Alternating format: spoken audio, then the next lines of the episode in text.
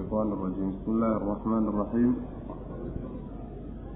الحمد لله رب العالمين والعاقبة للمتقين ولا عدوان إلا على الظالمين وصلى اللهم وسلم على نبينا محمد وعلى آله وصحبه أجمعين أما بعد فيقول سبحانه وتعالى ما يود الذين كفروا من أهل الكتاب ولا المشركين أن ينزل عليكم من خير من ربكم wallahu yaktasu biraxmatihi man yashaau wallahu du lfadli alcadiim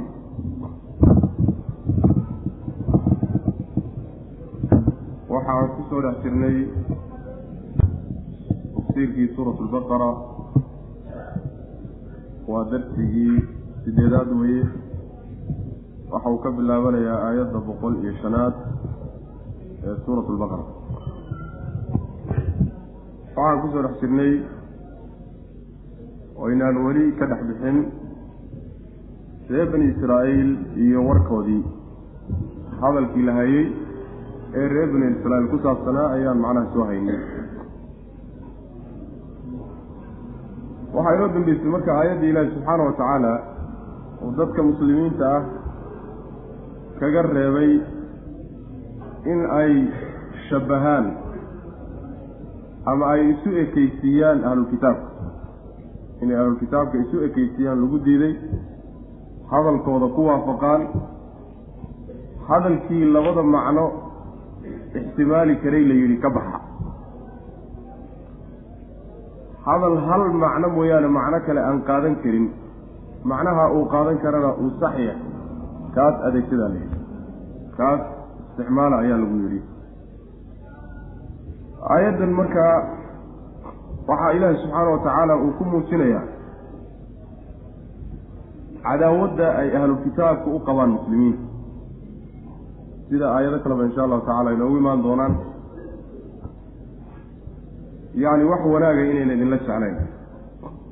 Mar haddayna wax wanaaga idinla jeclayn oyna khayrkiina doonaynin debilaash weye inaad marka ku dayataan oo aad yacni waxa weeyaan isu ekeysiisaan oo dhaqankooda aad raacdaan.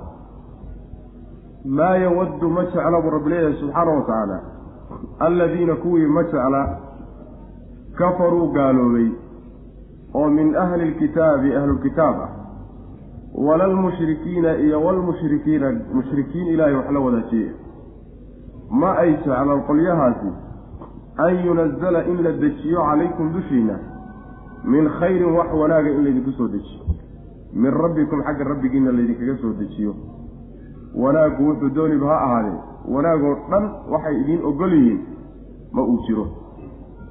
Wallaahu allah sayakhtasu wuxuu ku gooni yeeli biraxmatihi naxariistiisa man yashaau cidduu doono ku gooni yeeli iyagu ma maamulaane. Allah maamulo cidduu doonana ku gooni yeeloo siinayo.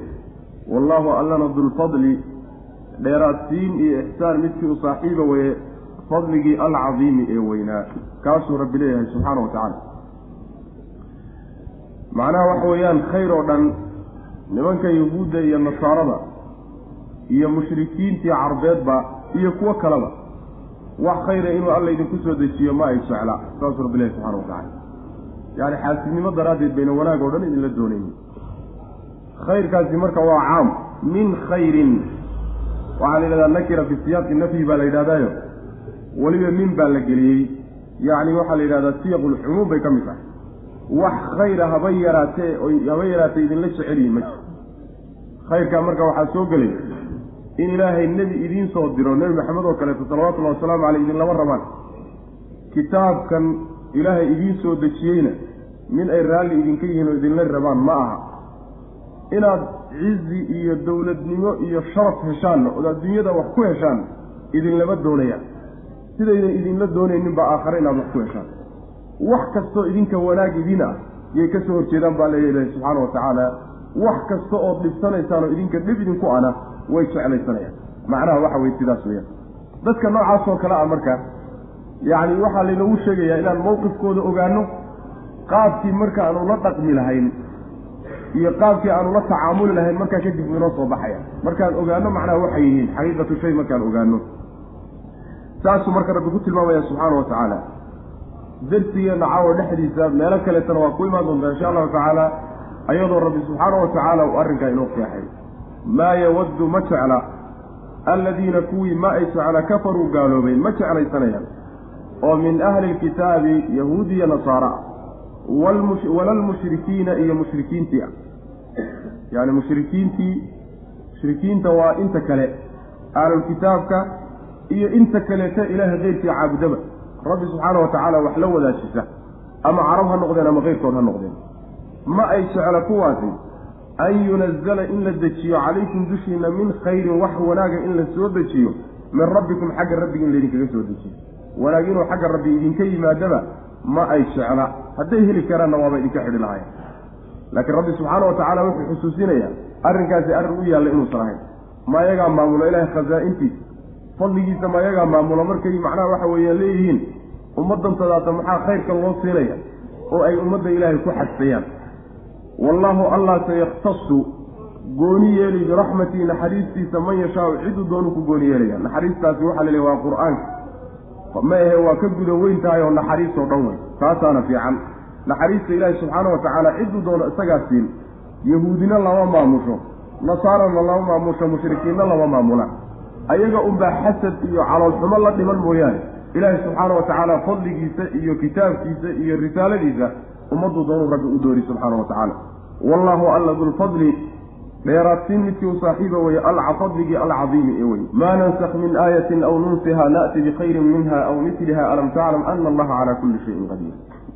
Yacni mowqifkaas waxaa loo baahaya dadka muslimiinta ah. Ilaahigii subxaana wa yahuud yaqaanay ee gaalo yaqaanay baa inooga warramay alaa yaclamu man khalaqa wahuwa alatiifu alkhabiir yacni waxa weeyaan suduurta iyo quluubta waxa ku jiro ogyahay rabbi subxaana wa tacaala wax ka qarsoonna ma jiro.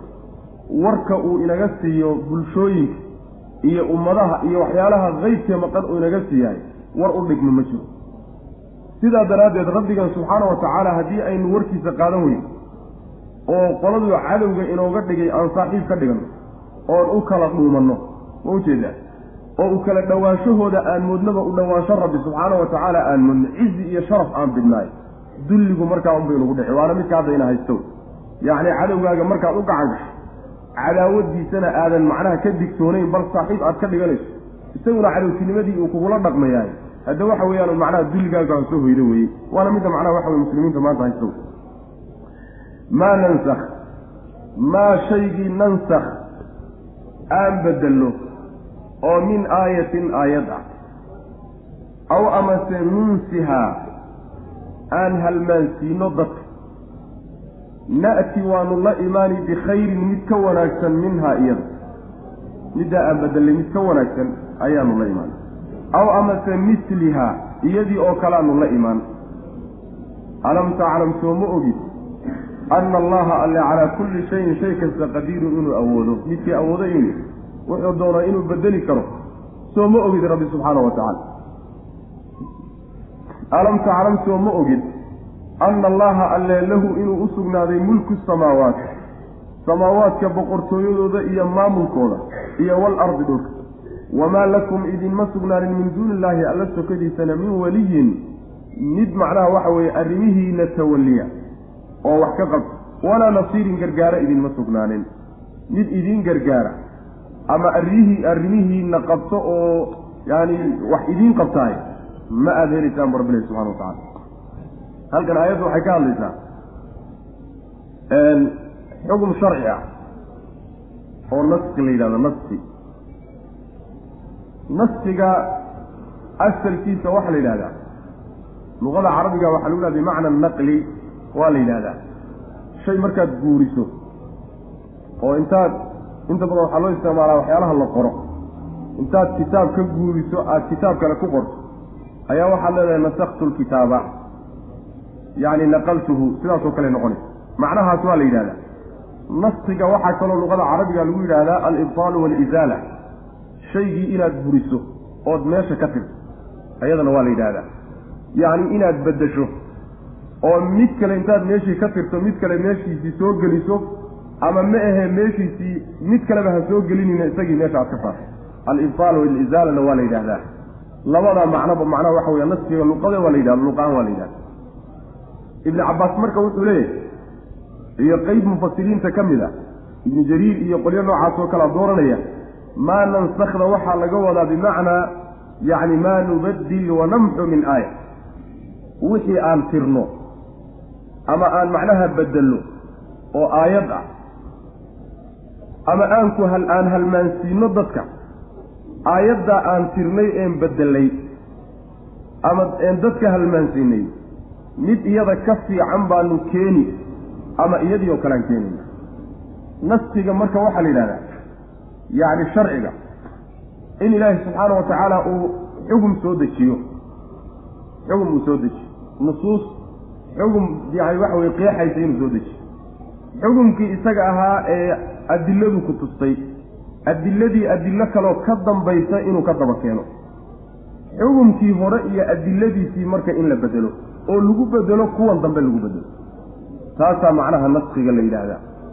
Yani waxa weeyaan in axkaam la bedelo ama alfaad yani waxa weye nusuus la soo dejiyey in la bedelo oo kuwo kale lagu bedelo ayaa naskiga la yidhahda sidaasaa macnaha loola jeeda waxaa marka lagu radinayaa nimanka la yidhaahda yahuudda ilaan ayagaa laga hadlayay yahuudda ayaa waxay qabaan ama ay odhan jireen in uusan bannaanin wax la yidhahda nafsigu nafsiga. Oo macnaha waxa weeyaan sharaa'icdii hore sharci ka dambayn karo ilaahay uu keeni karo oo bedeli kara ma jiro ilaa nafsi wey ama ma aheen nebigu salawaatullahi wasalaamu calayhi markii baytilmaqdis intuu markuu intuu madiine tegey baytilmaqdis la qaabilsiiye oo xagga loo jeediyey oo salaada uu baytilmaqdis la qaabili jiray. Baytilmaqdisna ay markaa ahayd qibladii yahuudda ay ahayd. Yahuuddu way ku faraxday sida noo imaan doonto. Markii laga bedelo nebiga laga wareejiyey salawatullahi wasalaamu calayhi oo kacbada la qaabilsiiyey ayay macnaha waxay yidhahdeen markan waa ninkan waaba nin ciyaarayaba yacni waxa weeyaan marba wax buu noola imaanaya. Naskigii bay marka diideen waxaa marka ilaahay uu soo dejiyey isagoo naskigaas sugaya in xugum ilaahay uu bedeli karo sharaa'icdii horena uu ku bedeli jiray ayaa aayaddan la soo dejiyey maa nansakh min aayatin aw nunsiha. Waxaa la mid a waidaa badalnaa aayatan makaana aaya wallahu aclamu bima yunazilu qaaluu inamaa anta muftar. Haddaanu aayad bedelnoon mid kale ku soo bedelno waad been abuuranaysaa bay odhanayaan bu rabbilahi subxaana watacala hadalladoodaasa marka lagaga jawaabaya marka waxaa loo isbaadinaya oo loo sugaya nafsiga shaygii laydhahdo xugum ilaahay uu soo dejiyey in la bedelo mid kale lagu bedelo ahi inuu yahay shay sharaa'icdii hore ku sugnaa. Shay caqliga iyo sharcigu midna diidayana inuusan ahayn middii wax diidayaa ma jirto ilaahayna subxaana wa tacaala uu macnaha isagu uu leeyahay inuu addoommadiisa wuxuu doonana u jideeyo markuu doonana uu rabbi ka bedelo ka bedelo macnaha. Isagaa iskale arrinkaa isaga taasaa marka yuhuud baa lagu radinayaa aayadda macnaha oo arrinkaa iyagaa qabay waxaana laga wadaa rabbi subxaana wa tacaala xugum intuu soo dejiyo waktii uu ugu talagalay waktigiisii markuu xugumku qaato. Markaa kadib ayuu bedelayaa oo hadduu xalaal ahaa inuu xaaraam ka dhigaa laga yaaba hadduu markii hore xaaraam ka dhigayna dib inuu ka xalaaleeyaa laga yaaba ma u jeedaa hadduu ma'muur ahaa oo lays amray gadaal in layska reebaa laga yaaba maxaa yeelay rabbi subxaana wa tacaala isagaa iskale addoommadiisa inuu maamulo wuxuu doonana uu ku maamulo. lama farageliyo rabbi subxaana wa tacaala maamulkiisa iyo tashriicaadkiisa iyo waxyaaluhu jiraynay lama farageliyo. sidaas weeyaan. maa nansakh wixii aan bedelno oo min aayatin aayad ah aw amase nunsihaa nunsidaasi yacni halmaansiin bay mufasiriinta qaar leeyihiin wixii aan bedelno ama aan ku halmaansiino ama dadka halmaansiino on quluubtooda ka saarno. Waa uu nasigii markii aayadda la nasakho oo aayadda la bedelo oo macnaha waxa weeyaan xukumkeedii la rafciyaay ayaa markaa kadib dadka quluubtooda laga tirtiraya aw nunsihaa ama aan ku halmaansiino oon dadka halmaansiino. Macna waa midkaas wey macno kalaa jiro oo odhanaya aw nunsihaa macnaha hore waxaa horta qaba yacni qeyb taabiciinta ka mid a qaba rag badan baana macnaha macnaha u iilanay nunsihaada qolo waxay leeyihiin waxaa laga wadaa bimacnaa nasrukhaa aan ka tagno oo aanaan bedelin yacni wixii aayadeen bedelno iyo tii aan dayno oo aanaan bedelinba mid ka khayr badan baanu ku soo bedeli ama mid iyadii oo kale ah sidaana macnaha waxa weye mufasiriinta qaarbaa qaar baa maray maa shaygii nansakh naskiga marka waxa weeyaan culimada islaamka o dhan waa isla ogolyihin wax laysku khilaafsan yahay ma waa ijmaac wey qolo warkooda aan la tirsanaynin baa khilaaftay qolo warkooda aan la tirsanan oo lagu xisaabtamin ayaa khilaaftay laakiin waa ijmaac in macnaha nafsigu kitaabka iyo sunnadaba waa ku sugan yahay. Waxaa marka suurtagal ah in shayga naska soo degay ama qur'aan aada ama xadiisa ahaad aayadda qur'aanka waxaa laga yaabaa in lafdigeedii la nasakho iyo macnaheediiba la israaciyo. Taasi waa suurtagal oo aayaad soo degay oo waxaa jira lafdigoodii iyo macnahoodiiba la israaciyey. Sida aayaadkii ka warramaya xadiiska saxiixa ku yimid nuugmada wax xarimtaay oo ilmuhu markuu nuugo islaanta uu ilmo ugu noqonayo axkaamtii ridaaca ku qaadanaya waxay ahaayeen toban bay ahaayeen. Aayaad baa sidaa ku soo degay. Gadaal dambena waa la nasakhay oo shan baa laga dhigay. Aayadda lafdigeediina waa la nasakhay xukunkeediina waa la nasakhay. Waxaa suurtagal ah aayadda inta lafdigeedii la nasakho xukunkeedii weli inuu baaqi yahay oo joogo. Waxaynu ugu tegi doonaa insha allahu tacaala fii suurati nuur. Ayaan ugu tegi doonaa. Yani waxa weye ashaykhu waashaykhatu idaa zanayaa farjumuuhuma albattata nakaalan min allah. Aayad noocaas oo kale. Odayga iyo midda duqda ah waa kuwa guurku u hormaray haddii ay zinaystaan labadoodaa rajmiya oo dhagax ku dila si go-an aayaddaasi aayad jirto qur'aanka ka mid ay ahayd baa la leeyahay siday saxaabadu warinayaan laakiin waa la nasakay xukunkeedii baa laakiin joog oo macnaha ruuxa hadduu guur u hormaro. Markaa kadibna uu zinaysta in dhagax lagu dilaa. Xukunkii waa baaqi laakiin lafdigii baa maqan oo meesha macnaha laga tiray. Waxaa kaloo suurtagal ah aayadda lafdigeedii inuu joogo laakiin macnaheedii la naso. Waana inta qur'aanka u baday. Waxaa inoo imaan doonta insha allahu tacaala darsigeenna kan ku xigi doonaa ama macnaha waxa wey kaka dambe waxay noogu iman doonta kacbadii oo la nasakhay. Yacni ujeedsigii macnaha waxaan u jeedaa baytulmaqdis loo jeesanayey oo la bedelayo oo kacbada lagu soo wareejinay. Waxaa inoo imaan doonta sidoo kaleeto darsigeenna caawa aayad la nasakhay baa insha allahu tacala inoogu imaan doonta. Yacni lafdigeedii waa joogaa laakiin macnaheedii baa la nasakhay. Intaasoo dhan macnaha waxa wey qeybaha nasakha loo sheegay ayuu ka mid maa shaygii nansakh aan bedelno oon yacni waxa weeye wareejinno ama aan tirno oo min aayatin aayad ah.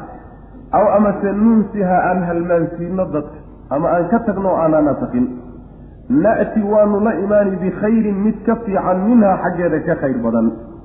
Aw amase mislihaa mid iyadoo kalean la imaanayna misla yacni waxa weeyaan midda aan bedelay mid la mid khayriyadaasi waxay u noqonaysaa mid ka khayr badan baanu keenaynaa.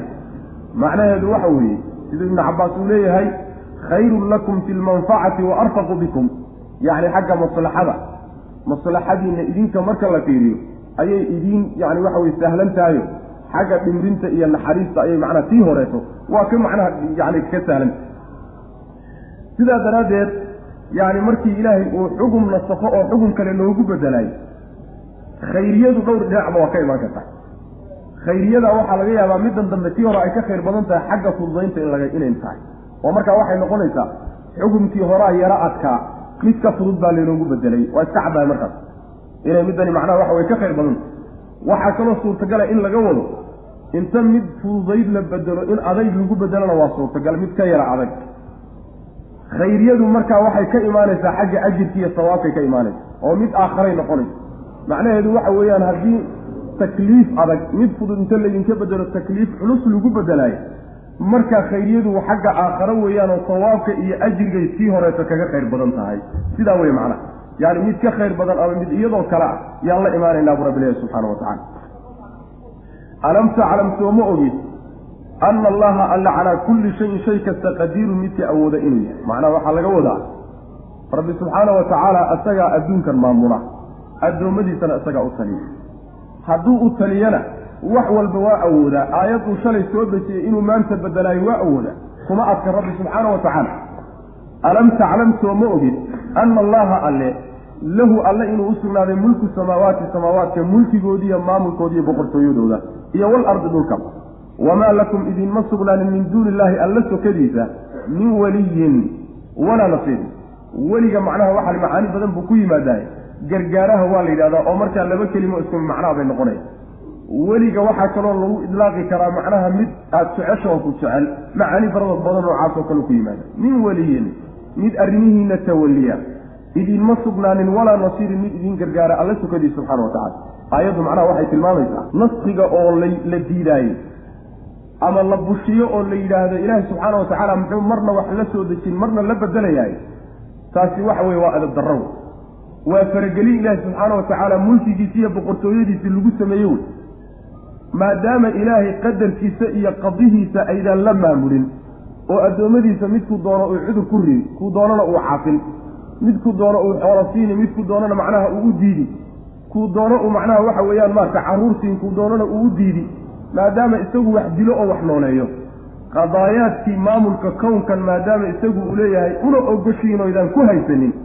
Inuu addoommadiisa wuxuu doono u siideeyo wuxuu doonana ka bedelo maxaad ugu haysataan maxaad u faragelinaysaan maamulka ilaahay baa iska leh faraha uga qaada wey macna.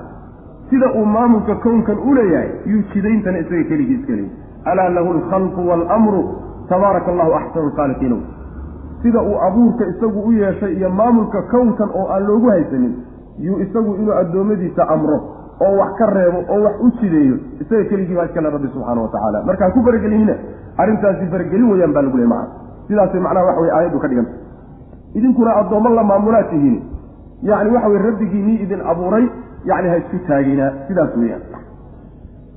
Am turiiduuna an tas'aluu rasuulakum kamaa su'ila muusa min qablu? Nafsiga marka masaalix badan baa ku jirto. Waxaa laga yaabaa ilaahi subxaana wa tacaala inuu macnaha waxa weye bulshada khaasatan bulshadu markay diinta ku cusub tahay. Markaaba haddii macnaha waxa weeyaan si duuduuban takaaliifta iyo sharaa'icda loogu soo dejiyo waxaa laga yaabaa inay hirgelin kari waayaan. Nufuusta ibni aadamku yacni waxa weye waxay u baahan tahay in la layliyo oo tartiib tartiib si tadriiji ah loo soo jiiday u baahantay sidaa daraaddeed tashriic maanta u qalmi kara. Ayaa berri u qalmi karaa laga yaaba maanta inuusan u qalmi karin gadaal dambe laakiin markii nebi maxamed salawatullahi wasalaamu calayhi alla uu oodsaday sharcigii marka waa dhammaystirmay naskhi dambe ma jiro. Naskigu wuxuu ku ekaa waqtigii nabigeena salawatullahi waslamu calayh am turiiduuna an tas'aluu rasuulakum kama su'ila muusa min qablu? Waman yatabadel ilkufra biliimaani faqad dalla sawa'a sabiili halkanna ilaahi subxaana wa tacaala wuxuu dadka muslimiinta uu u diidayaa su'aalaha faraha badan. Intayna wuxuu dhicin in macnaha waxa weeyaan su'aalaha la badiyo. Ama su'aalaha aan faa'iidada lahayn tacjiizka iyo tacanudka loola jeedo. Yacni waxa weeyaan inaad uun ku adkaato oo ruuxan kadaata macnaha waxa weeyaan meeluu ka baxo uu waayo taa uun su'aalaha noocaas oo kale loola jeedo iyo su'aalaha sidoo kaleeto intaysan dhicin oo aysan imaaninba laysweydiinayo waxaasi waa hadal badni. Sidaa daraaddeed iska dhaafa oo sidii ahlulkitaabka oo kale su'aalahoodii oo kaleeto taasoo kale nebiga ha weydiinaya wey macana am turiiduuna bal turiiduuna waxaad doonaysaan an tas'aluu inaad weydiisaan rasuulakum rasuulkiina inaad weydiisaan kamaa sidii su'ila loo weydiiyey muusa muuse min qablu horaan. Macnaha waxa weeye su'aalan misla maa su'ila su'aal inaad nebigiina weydiisaan baad doonaysaan su'aashaasoo tii muuse la weydiiye oo kala min qablu horaan. Waman yatabadal ruuxii bedela alkufra iimaanka ruuxii bedel yacni gaalnimada ruuxii bedel qaato biliimaani iimaanka ku bedel qaatoo iimaanka ka taga gaalnimana qaataay faqad dalla kaasi waa lumay sawaa'a asabiili jidka kala barhkiisii buu ka lumay. Jidka macnaha waxa weeye jidkii toosnaa kala barhkiisii buu ka leexday oo meel haysad ah oo cidlo abuu ruuxaasi ku lumay wey macnaha. Sidaasuu rabbi leehay subxaana wa tacaala. Aayaddu hadalka waxaa loo wada jeedinayaa muslimiinta iyo gaalada labadaba waa loo jeedinaya. Muslimiintana su'aalaha noocaas oo kale ah ka daaya nebigooda. Gaaladana su'aalaha ay jeedinayaane nebiga u jeedinaya salawatullahi wasalaamu calayhi ayaa iyadana macnaha la tilmaamaya inay shay xun tahay macnaha. Ahlulkitaabku marka ambiyadoodii bay su'aalo yani waxa weye aada u xunxun weydiin jireen. Waa inagii soo marnay yani arina allaha jahratan inay nabiyullaahi muusa ku dheheen ilaahayna tus aanu aragne si cad caddaan aanu aragnay inay ku yidhahdeen macna. Su'aasha noocaas oo kalea oo ilaahayna tus ah qurayshino nebiga salawaatullahi wasalaamu caleyh waa weydiiyeen oo waxay ku yidhaahdeen xataa ta'tiya billaahi waalmalaa'ikati qabiila. Ilaa aada ilaahay iyo malaa'igta si macnaha foolka fool a noogu keento waxba kaa rumaysan mayna ku dheh. Yani waxa wey waa su'aashii oo kale wey su'aalaha noocaas oo kale a marka ka daaya rusushaa laleeyahy ahlulkitaabkuna sidoo kale nebiga salawatullahi wasalaamu caleyh su'aalo noocaas oo kale waa weydiiyeen. Yas'aluka ahlulkitaabi an tunazila calayhim kitaaban min asamaa faqad sa'aluu muusa akbara min dalika faqaaluu arina allaha jahar yacni waxay ku yidhahdeen nebiga sal alay wasalam kitaab qoran oo diiwaan oo sidiisa u diyaarsan samada nooga soo deji. Ma qurayshi waa kuwii nebiga ku yidhi salawatullahi wasalaamu caleyh buurta safa la yidhaahdo. Dahab nooga dhig haddaad doonaysa inaanu ku racan intaasoo iktiraaxaad bay nabiga u soo jeediyeen salawatullahi wasalaamu caleyh war waxaad ka daaya baa la leeyahay rasuulkiina oo ha noqonina ahlulkitaabkii siday nebigoodii yani waxa way nabiyullaahi muusa su'aalahay ujeediyeen oo kale ujeedin waxaa su'aale ambiyada la weydiiye mee. Taasi middaas wey waxaa kaleeto iyadana aan la ogolayn oo saxaabada laga reebay sida inoomaan doontaa insha allahu tacaala su'aalaha aan weli dhicinin loo baahnayn.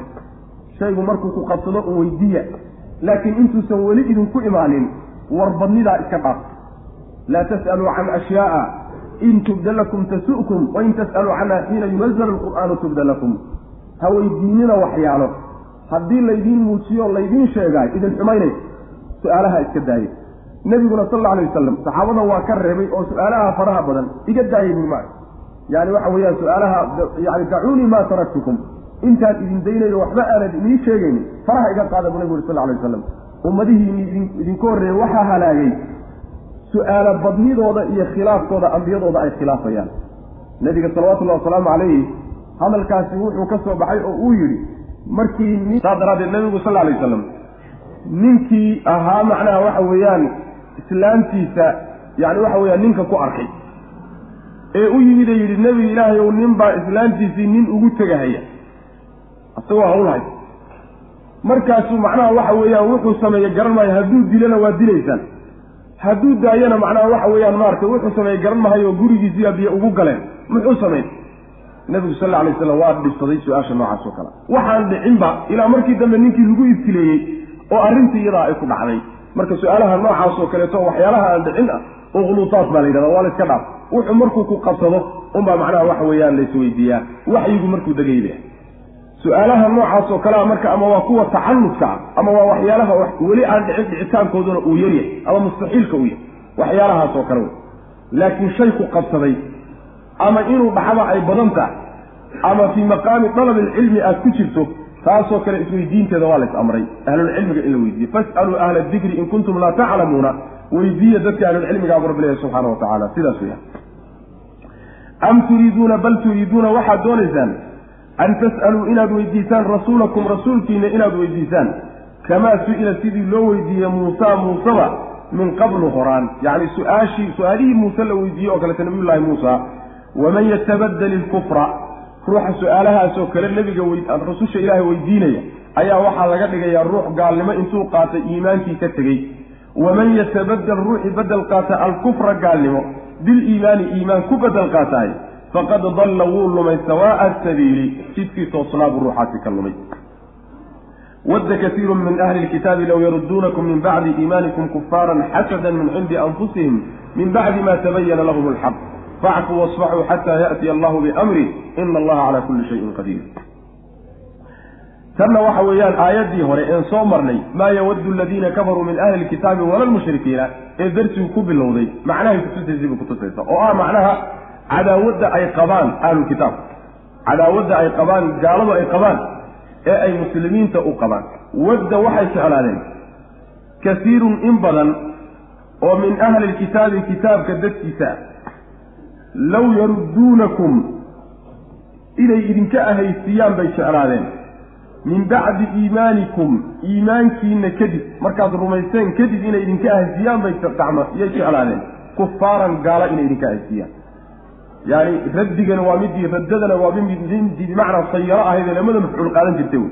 Waxay jeclaadeen inay idinka ahaysiyaan oo idinka dhigaan gaalo markaad iimaan la timaadeen kadib. Xasadan xaasidnimo daraaddeed bay arrinkaa u jeclaadeen xaasidnimadaasoo min cindi anfusihim nafafyaalkooda agteeda ka ahaatay naftooda ka soo fushay. Xaasidnimaa ku xambaartay min bacdi maa shay gadaashii ayay macnaha waxa weeye arrinkaa jeclaadeen tabayana uu caddaaday min bacdi maa muddo kadib tabayana u caddaatay lahum iyagu alxaqu xaqii u caddaaday. Markuu xaqii u caddaaday kadib ayay jeclaadeen inay gaalnimo idinka ahaysiyaan gaalo idinka dhigaan oo iimaanka idinka saaraan ee facfuu iska cafiya wasfaxuu iska dhaafa. Xataa ya'tiya allahu intuu alla kala imaanayo biamrihi arrinkiisa uu ka keenay.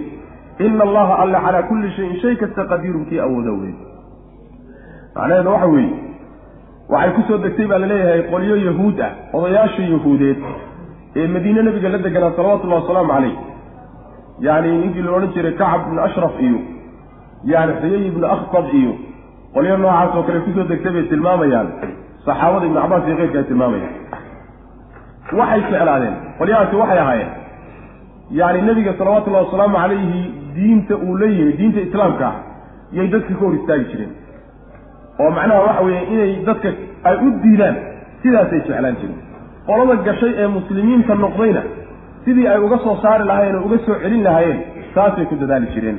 Qolyaha wey marka iyo nin walba oo macnaha waxa weeye ama ka horreeya ama ka dambeeya oo isku dayaya inuu macnaha waxa weeyaan muslimiinta diintooda uu dib uga saaro macnaha waxa weye uu gaalo ka ahaysiiyo arrinkaa ahlulkitaabka waxaa ku xambaaray xaasidnimo naftooda ka timid kadib.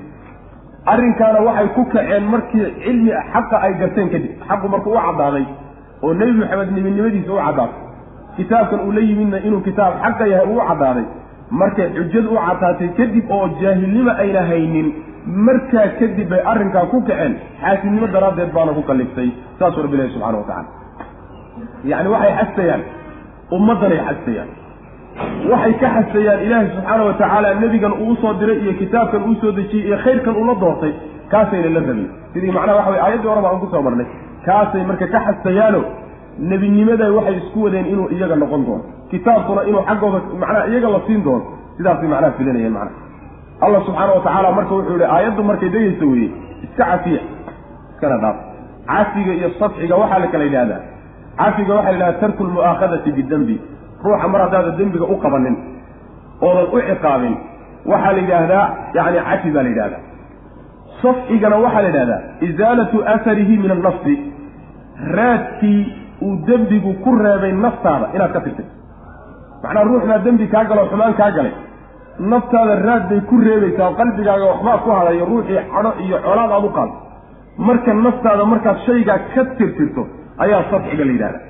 Cafiguna waxaa la yidhahdaa walow qalbigaba wax ugu haye mar haddaadan wuxuu galay aadan u qabanin cafi baa la yidhahda marka cafiga iyo safxiga waxaa ka xeel dheer safxigaa ka xeel dheer macna sidaasaa macnaha waxa weyaan lagu kala tilmaamaya marka iska cafiya oo iska dhaafa inta ilaahay amarkiisu ka imaanayo sidaasaa ilahi subxana wa tacala ule macnaha waxa weeye waktigaa isagaa ee aayaddu ay degaysay ayaa waxay ahayd intii aan jihaadka iyo dagaalka la waajibinin.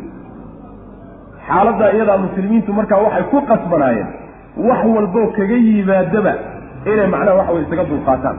Walatasmacunna min aladiina uutuu lkitaaba min qablikum min aladiina ashrakuu adan kasiira wain tasbiruu watattaquu faina dalika min cazmi lumuur waxay noogu imaan doontaa suurata ali cimraan insha allahu tacala yacni waxa weeyaan dhib baa idinka soo gaari doona xaggood dhibkaa isagaa inay ku sabraan oo u adkaystaan oo macnaha dul qaataan yaa ilahi subxana wa tacala muslimiinta markaa amray marka arrinkaasi wuxuu ku ekaa dulqaadasho loo dulqaato iyo dhaafid layska dhaafiyo cafi layska cafiyo waxa ay gelayaan iyo dhibka xaggooda ka imaanayahay waxa uu ku ekaa amarka ilaahi subxaana wa tacaala intuu ka imaanaya amarkaasi waxa weeye waa amarkuu ilaahay subxaana wa tacaala ku bixiyey in lala dagaalamo gaalada.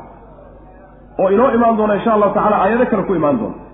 Faqtuluu lmushrikiina kaafa yani ayaa inoo imaan doonta qaatiluu aladiina laa yu'minuuna billah walaa bilyawmi alaakhiri walaa yuxarimuuna maa xarama allahu warasuuluh walaa yadiinuuna diina alxaqi min aladiina uutuu lkitaaba xataa yucdu ljizyata can yadin wahum saagiruun aayadaasaa nasakday marka cafiga iyo safcigan iska dhaafiyo isaga dulqaatadamtaas waa mansuukho wey waana tii hadda aan sheegaynoon lahayn aayad lafdigeedii yaallo laakiin xukunkeedii la nasaxay xukunkeedii waa la bedelay oo waxaa lagu bedelay cafi dambe iyo dulqaad dambe ma jire la dagaalama meeshaad ku aragtaan faqtulu lmushrikiina xaysu wajadtumuuhum aayatu sayf baa marka nasakday aayadda iyadaa macna xataa yaatiya allahu biamrihi amarkaasi marka waa mansuuq weye sida ay mufasiriintu u badan yihiin ibnu cabaas iyo keyrkii taabiciintu saasay leeyi ina allaha alle calaa kulli shayin shay kasta dushiisa qadiirun midkii awoodo wey wax walba ilahi waa karaa subxaana wa tacala saasuu rabbi ilahi subxana wa tacala wadda waxay jeclaadeen kasiirun in badan oo min ahli lkitaabi kitaabka dadkiisa ah low yarudduunakum ay raddakum ahaysiin inay idinka ahaysiyaan bay jeclaadeen. Min bacdi iimaanikum iimaankiina kadib intaad rumayseen kadib inay idinka dhigaan oo idinka ahaysiyaan kufaaran gaala inay idinka ahaysiyaan oo gaalnimo dib idinku celiyaan. Xasadan xaasidnimo daraaddeed oo min cindi anfusihim nafsiyaalkooda agtooda ka ahaatay yay saa u yeeleen. Jacaylkaa waxaa ku bixiyey inay idinla jeclaadaan gaalnimo. Waxa weeyaan waa xaasidnimo ay idin qabaan. Wey min bacdi maa wakti kadib ayay jeclaadeen tabayana uu u caddaaday lahum iyaga alxaqu xaqii uu caddaaday. Markuu xaqii u caddaaday oo nebinimada nebi maxamed iyo kitaabkiisa xaqnimadiisu uu caddaaday markaa kadib ayay idinla jeclaanayaan inay gaalnimo idinku celiyaan. Oy gaalo idinka dhigaan macna. Facfuu iska cafiya wasfaxuu iska dhaafa xataa ya'tiya allaahu. Intuu alla kala imaanayo biamrihi arrinkiisa amarkiisa ilaa uu ka keenayo oo amarkaasi inta ilaahay uu la dagaalkooda idin ogolaanayo ama dagaalkooda uu idin amrayo iska cafiya oo isaga dulqaad. Ina allaha alla calaa kulli shayin shay kasta qadiirunkii awoodo waa marxaladii hore ee jihaadku uusan waajibka ahayn. Yacni waxa weeye kufuu aydiyakum wa aqiimuu salaata markii la yidhi gacmaha laaba oo ha dagaalamina laakiin salaada iyo cibaadaadka kaleeta badiya oo naftiina tarbiyeeya ma ujeeda ilaan marxalo noocaasa la soo maro dagaalka ayna qaadi karayn muslimiinta aad bay u tabardaraayeen xaaladdaa haddii ay dagaal qaadaanna masaalixda dagaalka ka dhalanaysa mafaasida ka imaanaysa baa ka badnay. Saas daraaddeed baa la yidhi yani waxa weeyaan daaya gadaal dambe laakiin ilahi subxana wa tacala waa u jiray. Ina allaha alla calaa kulli shayin shay kasta qadiirunkii awoodow wa aqiimu salaata wa aatu zakaata wamaa tuqadimuu lianfusikum min khayrin tajiduuhu cinda allah ina allaha bima tacmaluuna basiir. Mar haddii la yidhi iska cafiyo oo isaga dulqaata waxa dhibee xaggooda idinka soo gaadhaya iyo xaasidnimada iyo xumaanta idinla jecelaya isaga dulqaata haddii la yidhi dulqaadkaa kadib waxaad ku mashquushaan wax idin anfaca oo adduunkiina iyo aakhiradiinna dani idinku jirto. Wa aqiimuu salaata salaadii toosiya wa aatu zakaata zakadana bixiya. Wamaa tuqadimuu wixii aada hormarisaan lianfusikum nafafyaalkiina aad u hormarisaan oo min khayrin wanaaga. Tajiduuhu waad helaysaan cinda allahi ilahay agtiisaaad ka helaysaan. Abaalkiisii abaalgudkiisii oo wanaagsan baad ilahay agtiisa ka helaysaan ina allaha alle bimaa tacmaluuna waxaad samaynaysaan basiirun kii arkow. Yani waxa weye waa idinka abaalmar ilahi subxana watacala wixii wanaag ah wixii xumaanana ciqaab baad ku mudanaysaan. Marka alla waa idin og yahay waa idinka warhayaa isjira wey macna.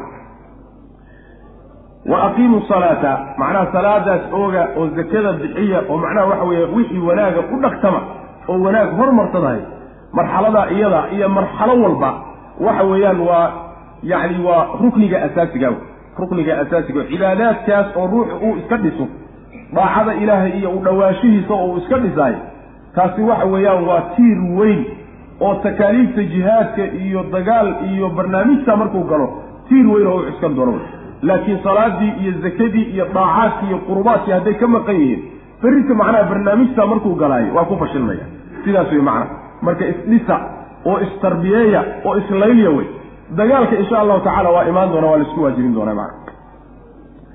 Wa qaaluu lan yadkula aljannata ila man kana huudan aw nasaara. Tilka amaaniyum qul haatuu burhaanakum in kuntum saadiqiin. Aayad kale insha allahu tacaala wayna imaan doontaayo. Yani waxa ay bixiyeen iyo khayrka ay baxsadeen la yimaadeen mid ka khayr badan inuu abaalku noqon doono. Wamaa tuqadimuu lianfusikum min khayrin tajiduuhu cinda allah huwa khayran wa acdamu ajra. Yani waxa weye isagoo ka khayr badan oo ajriga iyo abaalka ka dhashay uu ka wen yahay isagii ayaa laydin siin doona macna. Aayaddanna waxa weeye ilaahay subxaana wa tacaala wuxuu ku tilmaamayaa sida ay u kadsoon yihiin labada qole ee yahuudiya nasaarada. Intaasoo dunuub iyo fadaa'ix ayagoo ay macnaha galeen oo ilaahay agtiis subxaana wa tacaala dad dullaysan ay ka yihiin haddana meesha ay isla joogaan. Waxa way la mid tahay aayaddii aynu soo marnay ee rabbi subxaana wa tacaala uu inoogu tilmaamayay lahaayeen lan tamasana annaaru ilaa ayaaman macduuda. Taasoo kale la mid waxyaalo macnaha yidi diilooyino naftoodu iska jeceshahay ayaa lagu sheegayaa waxba ka jirin lahay. Wa qaaluu waxay yidhaahdeen lan yadkhula ma geli doono aljannata jannada ma geli doono ilaa man kaana ciddii ahaaday mooyaane yahuudan yahuud ahaaday aw nasaara ama nasraani ahaaday ninkii yahuudiya ama nasraani a mooyaane cid kaleba jannada ma geli doono tilka midaasi burabile isagoo radinaya. Tilka midaasi ammaaniyuhum waa uun sheega sheegashadoodii yacni ammaanidoodii iyo yididiilooyinkoodii waxay iska jeclaayeen weeyaan. Qul waxaad tidhaahdaa haatuu waxaad la timaadaan ood keentaan burhaanakum xujadiinna iyo daliilkiinna. Arrinkaa idinku daliil ah.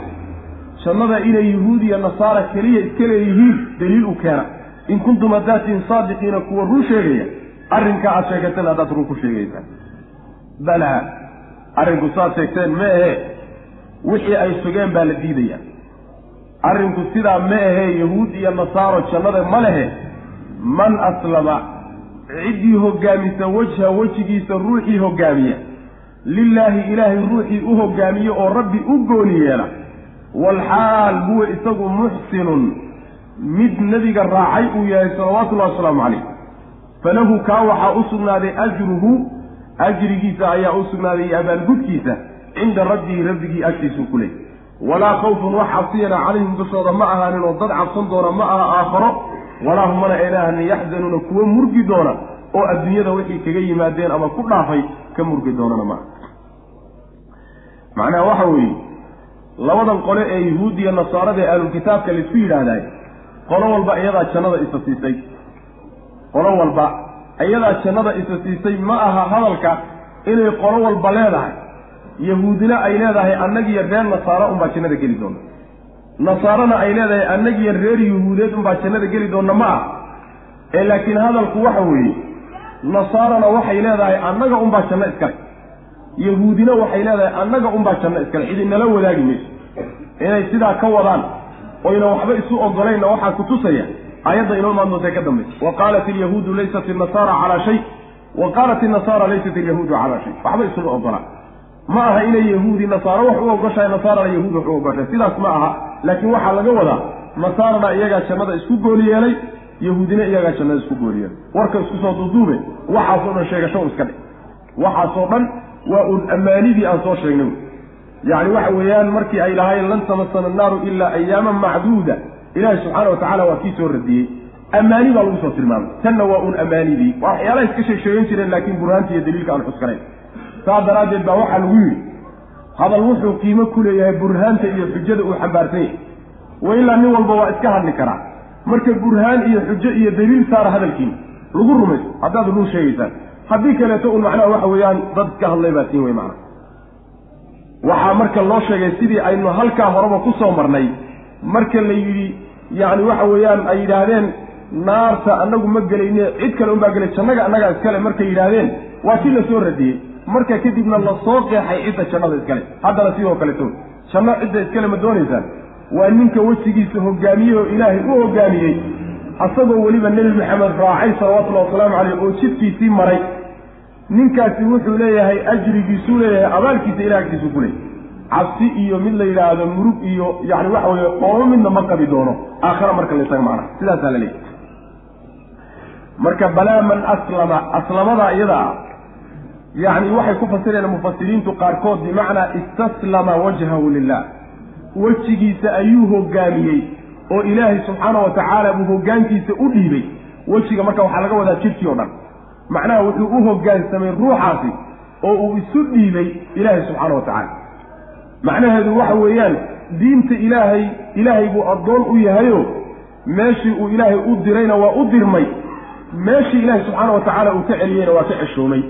sidaasaa macnaha waxa weye qaarkood ay leeyihiin qaar waxay leeyihiin akhlasa bay macnaha ku fasira bimacnaa aslamada oo waxay noqonaysaa balaa man aslama ciddii gooni yeesha wajhahu ay maqsadahu ujeeddadiisa iyo camalkiisa iyo niyadiisa ruuxii u badhax tira lilaahi ilahay u badhax tira oo ikhlaas la yimaado. Waalxaal huwa isagu muxsinun ay muttabicun lirasuuli rasuulkana uu raacsan yahay oo jidkiisii uu marayahay abaalkaasu leeyahy sidaasi macnaha isaguna waa macno fiican. Oo macnaha waxay noqonaysaa ayaddu waxay tilmaamaysaa labada shardi ee camalka layskaga aqbalo. Shardiga hore waxa weeyaan waa ikhlaas. Waxaan aad samaynaysa inuu ilaahay dartii kaa yahay iyo rabbi ku raalligeli iyo janno ku raadsa cadaabna kaga car. Ujeeddooyin kale ha ku wadan. Akhlasa wajhahu lilaahi macnaheedu ruuxii ilaahay kayrkii macnaha camalkan u sameeyahay yacni waxa weeyaan riyaa iyo sumca iyo istustus buu noqonaya laga aqbali maayo markaas waa shardiga koowaad. Shardiga labaadna waxaa iyadan laysku tusay wahuwa muxsinun oo waa itibaac tajriidu lmutaabaca linabiy sal alla alay wasalam nebiga waa inaad camalkan kaga dayanayso ood ku raacayso ood isaga ka soo gaadhay oo xaggiisa lagaaga soo guuriyey eedan adigu bilaabanin ama addoon adigoo kaleeto ah oo macnaha waxa weye nebiga ka dambeeyey uusan kuu bilaabin. Yacni waxa weye labadaa shardi marka camalka laga helo ayuu macnaha waxa weeyaan midhihiisa dhalinaya oo ilaahay aqbalaya subxaana wa tacaala. Labadaasaa marka lagu tilmaamaya wa qaaluu waxay yidhahdeen sida nebigu sal alay slam xadiistiisa ku leeyahy ninkii camal la yimaada camalkaasoo amarkanagi uusan ku sugnaanin oo annagu aanaan amrin waxa weya waa marduud buu nabigu lehy salawatullahi waslamu caleyh marka camalka waa in la ilaaliyo. Niyada iyo ikhlaaskana waa in la ilaaliyo. Yacni waxa weeye nebigana salawatullahi waslam kitaabka ilaahay iyo sunnada nebigana waa in meel looga helo. Laakiin acmaal iska baatil ah oo meel laga soo gaadhay aan la garanaynin waayo damba layska bilowday. In dadka diin looga dhigaayo waxyaalahaasi jahwareerin wey jahwareerin wey macnaha dadka in waxaas diin looga dhigo diini waa tii nebi maxamed ka tegey salawatullahi wasalaamu calayhi. Diin kaloo ka dambaysayna ma ajir rabbina subxaana wa tacaala qalbiga wixii isaga uu gooni oo uu gooni ka dhigaayo unbuu aqbalaa. Camal kaloo laakiin cid loogu daray rabbi subxaana wa tacala ma uu doonayo. Labadaa shardi baa laga maarmaan wa qaaluu waxay yidhaahdeen lan yadkhula ma uu gelaya aljannata jannada geli maayo ilaa man kaana ciddii ahaaday mooyaane huudan yahuudi. Yahuudi saasay ti aw amase nasaara nasaara ah. Hadalkaa dambana nasaara iskale. Macnaha waxa hadalkuu yahay. Wa qaalat ilyahuudu lan yadkula aljannata ila man kana huudan wa qaalat ilnasaara lan yadkula aljannata ila man kana nasaara sidaasu hadalku macnaa waxa weye xaqiidisu tilka midaasi buu rabbi leeyahay amaaniyuhum yididiilooyinkoodii wey waa wax uun macnaha ay iska jeclaadeen iyo iska sheegad mooyaane. Daliil ma cuskana qul waxaad tidhahdaa haatuu la imaada burhaanakum xujadiinna la imaada in kuntum saadiqiin haddaad run sheegaysaan hadalka saasaa lagu qaataa. Haddii dad uu wax kaa soo gaadho cidii wax kuu sheegto waxaa isaga ah daliil baa lagu qaataa. Markaad ku qanacdo oo daliilkiisa iyo burhaantiisa iyo xujadiisu ku qancisay bad kadib baa la qaataa. Hadalku si kaleta hadalladu wax kale kuma kala kedisana yacni waxa weeyaan waa meesha laga yidhahdo lowlaa lima la kaana alximaaru faqiiha yacni waxa weeye haddii aan xujo laysweydiinayn oo war daliil maxaa u aan laysweydiinaynin haddee dabeerkaaba dadka diinta uga warrami laha oo u fatwoon lahaayo macnaha faqiih u noqon lahaa macnaha sidaas marka waa in dad wixii wax sheegaay la yidhaahdo maxaa daliil u ah? Kitaabka ilaahay iyo sunnada ayaa macnaha maxaa macna? Laakiin waan ku riyooday iyo ma u jeedaa sheekh hebel baan ka soo gaadhay iyo waan maqli jiray iyo caqligaa ku tusaya iyo ilaa aakhiri dadkaa u badan iyo waxaasoo dhan macnaha asaabiiru lawaliina wey. Ku tiri kuteen way waxaasi daliil ma noqon kara macnaha. Warka waa in burhaan loo helo. In kuntum haddaad tihiin saadiqiina kuwa run sheegay balaa arrinku sidaas ma ahe. Man aslama yacni balaa inayna cid kale gelaynin jannada yacni iska dhaafo sidaa maaha arrinku ye man aslama ciddii hoggaamisa wajhahu wejigiisa lilaahi ilaahay u hoggaamisa oo wejiga jidhka intiisii kalaa laga wadaa. Maxaa yeelay waa tacbiiru ljuzi wa iraadatu lkulli baa la yidhahdaayo. Wejiga waxaa loo cabiro isaga si gooniya loogu xusay oo jidhkii looga matelay waa jidhka meesha ugu sharaf badan wey waana meesha ruuxa cizigiisa iyo dulligiisa uu ka muuqdo wey xubnaha intooda ugu muhiimsanna wejigay ku yaallaan saas daraaddeed baa wejiga laga cabira isagoo jidhka intiisa kale loo jeedo. Ama waxaad odhanaysaa balaa man aslama. Ciddii gooni yeesha wajhaw wejigiisa wajhaw camalkiisa ciddii ikhlaas ula timaado u gooni yeesha lilaahi ilaahay ninkii camalkiisa u gooniya oo niyad khaalisa ula yimaado waalxaal huwa isagu muxsinun muttabicun lirasuuli.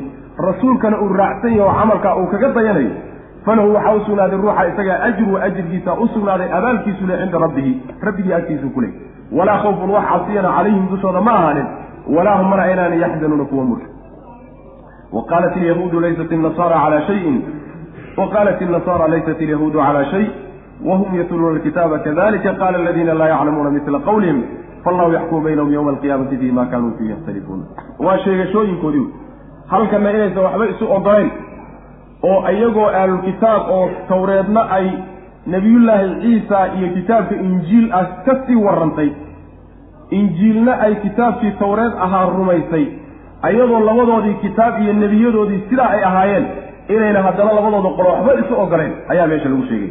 Wa qaalat waxay tidhi alyahuudu.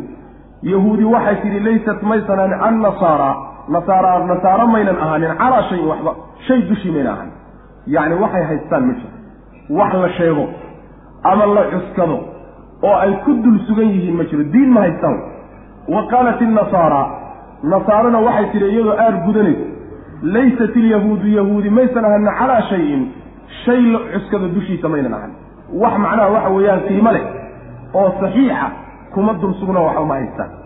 Walxaal bay sidaa yidhaahdeen labadii qoloba hum iyagu yatluuna ay akrinayaan alkitaaba kitaabkii ay akrinayaan ayadoo qolona ay injiil hayaan oo tawreed rumaynaysa. Qolona tawreed ay akrinayaan oo injiil rumaynaysay sidaas yidhahdeen. Kadalika sidaas oo kale ayay qaala yidhaahdeen alladiina kuwii laa yaclamuuna aan ogeyn waxba aan garanaynin misla qawlihim hadalkoodaas oo kale yidhahdeen. Qoladii aan waxba aqoonin ee jaahiliinta ahaana hadalkoodaas oo kale yidhaahdeen. Fallaahu alle ayaa yaxkumu yacni waxa weeye u kala garsoori doona baynahum dhexdooda yowma alqiyaamati ayuu kala xugmin doonaa fii maa shay dhexdii buu ku kala saari kaanuu ahayn fii dhexdiis yakhtalifuuna kuwa isku khilaafsan. Waxa ay isku hayaan diin ma haysataan iyo diin ma haysataan taa isku hayaanna ilaahay baa subxaana wa tacaala u kala garnaqi doona. Maalinta aakhara markay u tagaan ninkii gar lahaa gartiisa siin doona kii gardaraa oo baatil xambaarsanaana rabbi baa abaal mari doona subxaana wa tacala sidaasa lagu macnaheedu waxa weeye ayagoo ahlulkitaab isla oo is-og oo ay mid walba og tahay ta kale waxay ku sugan tahay inay diin haysato oo kitaab ay haysato. Ayay haddana waxa weeyaan qolo walba qolyaha kale intay hilfaha u qaado iyayna waxba u ogolayn sida la rabayna waxay ahayd inay nimanka la yidhaahdo yacni nasaaradu kitaabkii tawreed ahaa iyo injiil iyo qolyihii nebiyullaahi ciisa ka horreeyey yuhuudda ahaa inay yidhaahdaan dad quman bay ahaayeenoo diin haysta nebiyullaahi ciisa markuu soo baxay qoladii yuhuude ku gaalowday waa runtood laysuu calaa shay sidaasaa la rabay. Yahuudina waxaa la rabay markuu nebiyullaahi ciisa soo baxay in ay dhahaan ciise iyo inta raacdayba laysuu calaa shay ma ahayne. Sida laga rabaye tawreed amraysa waxay ahayd in nabiyullahi ciisa raacaan. Oy macnaha waxa weeyaan injiil rumeeyaan. Sidaasaa laga rabay. Labadii qolo midna mayna yeelin. Labadii qoloba macnaha waa isgaalaysiiyeen. Sidaasaa lagu tilmaamay. Iyagoo macnaha xogogaal oo labadaba cilmi ay leeyihiin sidaasoo kale waxaa yidhi iyaguna qoladaan waxba ogeyn. Qolo aan waxba aqoonin oo laa yaclamuuna lagu tilmaamay ayaa iyaguna sidaa yeelay. Yay yihiin qolyaha iyaga. Mushrikiintii carbeed inay yihiin baa loo baday. Yacni carab ayagoo yahuud taqliidinaya oo iska raacay ila yahuud baa culimo u ahayd iyagu waxba kama warhayaan. Yahuud oo waxay maqleen marka ku ahayd laysat innasaara calaa shayin markaasay iska daba dheheen laysat innasaara calaa shay. Kadalika qaala aladiina laa yaclamuuna waa marka laskey qolyahaasi qolyaha xumuhe yacni waxa weye qolyo kalea hogaamiyey yuhuuddaas iyo qolyahaas iyagu warkooda iska raacaano sameenu dhaan raacday wey. Ilan iyagu meel kaleo ciskadaan ma ay sidaas weyaan qolyo kale waxay leeyihiin mufasiriinta ka mid a alladiina laa yaclamuunada waxaa laga wadaa waa qolba qolo yuhuudda ka horreysay. Qolo yuhuudda ka horreysay iyo nasaarada ayaa laga wadaa. Oo iyaguna yuhuud iyo nasaaro ka warhayey inay imaan doonaan oo labadooda waxba u ogolayn ibnu jariiri dabr isagu wuxuu dooranaya aayaddu waa caam mushrikiintii carbeedna waa soo gelayaan qolyaha hore hadday jiraanna waa soo gelayaan macna sidaasaana fiican. Wa qaalat ilyahuudu yahuudi waxay tidhi laysat innasaara waxaa marka fiican haddii ruuxu wax uu haysto oo uu diin u haysto ha ahaatee uu wax ku khaldan yahay ma habboono in si buuxda diinta looga saaro. Ama si buuxdaba macnaha wuxuu wato oo dhan laysla tuuro ma habboona. Jus-iyada iyo qaybta uu ku khaldan yahay in dadka looga digoo la yidhaahdo war ninkaasi waxaasi ku khaldaya ama waxaasi waa khalad ahaa layska jira waa meesha. Laakiin waxa weeyaan in macnaha waxa weeye dawaa'if iyo koox koox koox walba xaqa iyo wadato ciddii macnaha waxa weeyaan wax alla waxay wadato xaq iyo baatil waxay wadataba in laysla tuuro oo la gaalaysiiyo oo darishada laga saarahay wax la yaqaano ma ah waa da'diga iyo dhaqanka ahlulfiraqa lagu yaqaan ahlubaatilka lagu yaqaana. Ruuxani wixii xaq ee uu la yimaadana waa inaad ka qaadato welana ku siiso ood ku jeclaato. Wixii baatile uu la yimaadana waa inaad ka beri noqoto maadaama uu fi daa'irati lislaam ku jiro. Marba hadduu muslim yahay oo uusan macnaha gaaloobin saasaa lagu ayadaynaya qolyaha macnaha waxa wey yahuud iyo nasaarada wa qaalat ilyahuudu yahuudi waxay yidhahdeen laysat ilnasaara nasaara maysan ahaanin. Calaa shayin ay calaa shayin yasixu wayuctadu bihi. Wax la tirsado. Shay saxiixa oo la tirsadaayo kuma dul sugna wa qaalat inasaara nasaarana waxay yidhahdeen laysat ilyahuudu yahuud ma ahaanin calaa shayin shay dushii wax ay haystaan ma jiro. Walxaal bay siday yidhahdeen hum iyagu yatluuna alkitaaba. Kitaabka ay akrinayaan kadalika sidaasoo kale qaala waxaa yidhi alladiina kuwii ayaa yidhi kadalika sidaasoo kale iyadoo xaalay la mid tahay ayay qaala yidhahdeen alladiina kuwii oo kaleeta kuwii laa yaclamuuna aan waxba ogeyn misla qowlihim hadalkoodao kale yidhahdeen. Hadalkaasi ay yahuud iyo nasaara dheheen oo kaleeto kuwaasaa iyaguna ka daba dhahay. Faallahu alle ayaa yaxkumu baynahum kala saari doona dhexdooda oo kala xugmin doona yowma alqiyaamati maalinta qiyaamada. Fii ma kaanuu fiihi yakhtalifuuna waxay yihiin kuwo isku khilaafsan ayuu alla ku kala saari doona subxana wa tacala yuhuud iyo nasaaro iyo laa yaclamuunta qoladii saxsanba yacni maxkamadda ilaahay baa u kala garnaqi doonta oo garsoorka rabbi bay dhex hortegi doonaan. Sidaasaa marka loogu kala garnaqi doonaa. Warkaasi socon maayo. Idinkaan waxba haysanin iyo idinkaan waxba haysanin. Waa un adduunka inta la joogo wey waman adlamu miman manaca masaajid allahi an yudkara fiiha ismuhu wasacaa fii qaraabiha ulaa'ika ma kana lahum an yadkhuluuha ila khaa'ifiin lahum fi dunya khizyun walahum fi laakhirati cadaabun cadiim waman adlamu yaa ka gardarro badan miman cid yaa ka gardarro badan manaca diiday masaajid allahi ilaahay masaajidiisii diiday oo dadka u diiday manaca annaasa masaajid allah masaajidda ilaahay cid dadka u diiday yaa ka gardarro badan an yudkara in la xuso ay diiday fiiha masaajidda dhexeeda ismuhu magaca ilahay in lagu xuso oo wasacaa shaqeeyey ku dadaalay fii kharaabihaa yacni madhnaanteeda iyo kharibnaanteeda iyo duninteeda ka shaqeeyey. Ulaa'ika kuwaasi maa kaana lahum uma ahaanin dadka noocaas oo kale ah ee masaajidda ilaahay saa u galayahay maa kaana lahum uma ahaanin oo uma qalanto uma habboona an yadkhuluuha masaajidii inay galaan ilaa khaa'ifiina xalayiin kuwa cabsanaya mooyaane iyagoo cabsanaya oo gariirahaya oo dadka masaajidda ehelka u ah ka cabsanaya mooyaane si kale inay masaajidda ku galaanba xaqumana maba habboonaba lahum waxaa u sugnaaday qolyaha fi dunyaa adduunyada dhexeeda khizyun dulli baa u sugnaaday. Fadeexo walahum waxaa u sugnaaday fi laakhirati aakhare dhexdeedana cadaabun baa u sugnaaday cadiimun oo weyn. Saasuu rabbi ilahi subxana wa tacala aayaddu laba qoloba waxay tilmaamaysaa aayaddu. Dadka masaajidda ilaahay dadka u diida yacni waxa weeyaan dikriga ilaahay u diida ee ka hor istaaga. Inay kharibantana ka shaqeeya qolyahaasay aayaddu dhaleecaynaysa oo eedaynaysa yay yihiinoo marka aayaddu ay ku socotaa laba tafsiir baa la sheegaya. Tafsiir waxa weeyaan waxaa laga wadaa oo aayaddu ay macnaha ku jeedaan nimankii nasaaro la odhan jiray oo waxay ahaayeen markii yuhuudi macnaha waxa weeyaan markay iyagiiyo yuhuudda colaaday dhex martay oo macnaha yuhuudna ay baytulmaqdis kacbo u ahayd oo qibladoodii ay baytulmaqdis ahayd ayaa waxay sameeyeen nin majuusi ahaayoo bukti nasr la odhan jiray oo macnaha baytulmaqdis dumiyey. Ayay nasaara intay soo garab galeen iyagoo yuhuud ka hor jeeda ayay baytulmaqdis galeen markaasay kharibeen. Markaasaa weliba waxay ka dhigeen meel qashin qub ah meel qashin qub ah oo qashinka lagu daadiyo masaajidka ilaahay ka dhigeen nasaaro wey colaaddii ay yuhuud u qabeen iyo yuhuud ka aargood maadaama ahlulkitaab iyo xumaantoodii aayaadka hore ay ka soo sheekaynayeen hadda waxaa habboon hadalka in loo leexiyo. Nimankii la yidhahdo macnaha waxa weeye mushrikiintii carbeed iyagana dhaqamadoodii xumaaday galeen. Ma ujeeda ay nebiga la galeen salawatullahi wasalaamu calayhi taa in laga sheekeeya ayaa habboon buu le macna yacni bushii uu ibnu jariir soo jeediyey ama hadal ibnu jariir uu yidhi ibnu jariir uu ku rajaxay qowlka hore oo ah macnaha waxa weeyaan nimankii quraysh la odhan jiray kacbada maysan kharibin macnahaasuu ibnu jariir oo uu ku rajaxay hadalka in loola jeedo nasaarada ibnu kasiir wuxuu leeyahay kharibka ay ku sameeyeen beytka ilaahay ee kacbada ah iyo masaajidka ilahay maka ku yaalla kharib ka weyn maba jiraba. Maadaama nebiga ilaahay ka hor istaageen oy dadkii xumraysanaya u diideen oy asnaam iyo macbuudaad iyo ilaahyo kale intay ka buuxiyeen ay ku caabudeen yacni kharibka ka weyne la samayni muxuu yahay? Masaajidana camiridooda ma aha inay tahay dhismahoodoo la taago iyo wax dhaldhalaalayoo laga laalaadiyo iyo iyagoo la sharxo ma aha camiridda masaajidda ilaah camiridoodu waxa weeyaan in dikriga ilaahay iyo daacadii iyo waxaasi macnaha iyo dadka iyo ehelka ilahay loo fasaxo. Sidaasaa camirideeda loola jeedaa.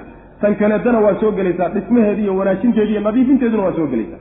Sidaasuu macnaha le u kaga jawaabaya waman adlamu yaa ka gardarro badan miman manaca aayaddu marka waa caam ama ha la yidhaahdo nasaaray ku soo degtay oo qoryahaasay ku soo degtay ama ha la yidhaahdo quraysh iyo carabtii bay ku soo degtay laba goorotii la yidhahdaba aayaddu xukunkeedu waa caamo cid walba oo masaajidda ilaahay digriga ka hor istaagta oo u diida in salaadii iyo daacadii iyo qiraa'atu lqur'aani cilmiga barashadiisii iyo wixii loogu talagalay in lagu lagu guto ciddii ka hor istaagta ciddaasi cidna kama gardarro badnaa.